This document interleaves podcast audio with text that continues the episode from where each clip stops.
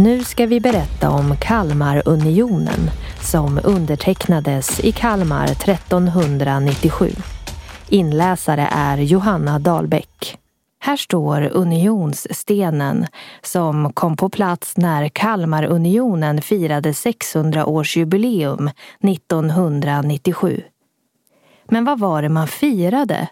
Vad var Kalmarunionen? Jo, då på medeltiden pågick ständiga fejder mellan de olika nordiska länderna och deras regenter. Allianser knöts genom giftermål. Familjemedlemmar slogs om landsområden och var bittra fiender som smidde ränker om att tillfångata eller rent av döda varandra. En av dem som växte upp under den här tiden var Margareta som sedermera kom att bli en av de mäktigaste kvinnorna i det medeltida Norden och hjärnan bakom Kalmarunionen. Margareta var dotter till Danmarks kung Valdemar Atterdag.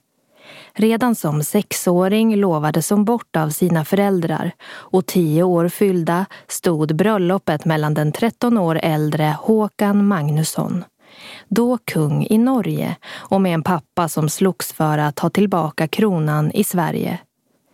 Margareta och Håkan flyttade till den stora borgen Askersund i Norge. Kallt och fattigt var det, tyckte Margareta som inte ens kunde bjuda till fest eftersom det fanns varken tillräckligt med skålar eller muggar på slottet. 17 år gammal föder hon här sin son Olov och med honom föds också idén om att ena de tre nordiska länderna under en och samma kung och tillsammans stå stadigt mot det hot som uppenbarar sig söderifrån, tyskarna och handelsförbundet Hansan. Innan Olof har fyllt elva år är både hans far, morfar och farfar döda. Han är redan på väg mot tronen i både Norge och Danmark. Men för att kunna skapa en riktigt stark union behöver den nu 27-åriga änkan Margareta ha med sig svenskarna också.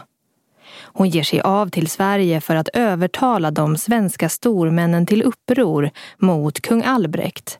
Han som störtade hennes svärfar från tronen för att sätta Olov på den istället. Men de hinner aldrig komma hela vägen fram, för nu dör också Olov hastigt i en sjukdom på slottet Falsterbo i Skåne. Men sorger och motgångar är inget som stoppar Margareta. Eller var det kanske så att det var just den större uppgiften som fick henne att orka? För Margaretas vision om ett enat Norden dör aldrig eftersom hon själv nu inte har någon arvinge som kan ena rikena framåt måste hon lösa det på annat sätt. Det blir systerdottersonen Bogislav, sex år gammal, som får bryta upp från sitt hem i Pommern, byta namn till det mer svenskklingande Erik och adopteras av Margareta. Nu finns en arvinge, en framtid, en ledare att samlas under återstår är bara att besegra svenskarna. Eller snarare, tillsammans med sina allierade bland svenskarna, avsätta kung Albrekt. Och efter att med krigslist besegrat hans soldater vid Falköping har hon lyckats med också det.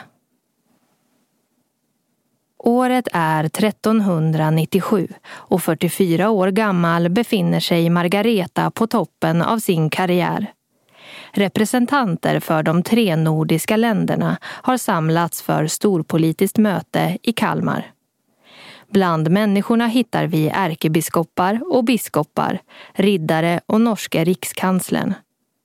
Alla har de kommit till den småländska staden för den högtidliga och politiska storhändelse som ska binda samman länderna en lång tid framöver.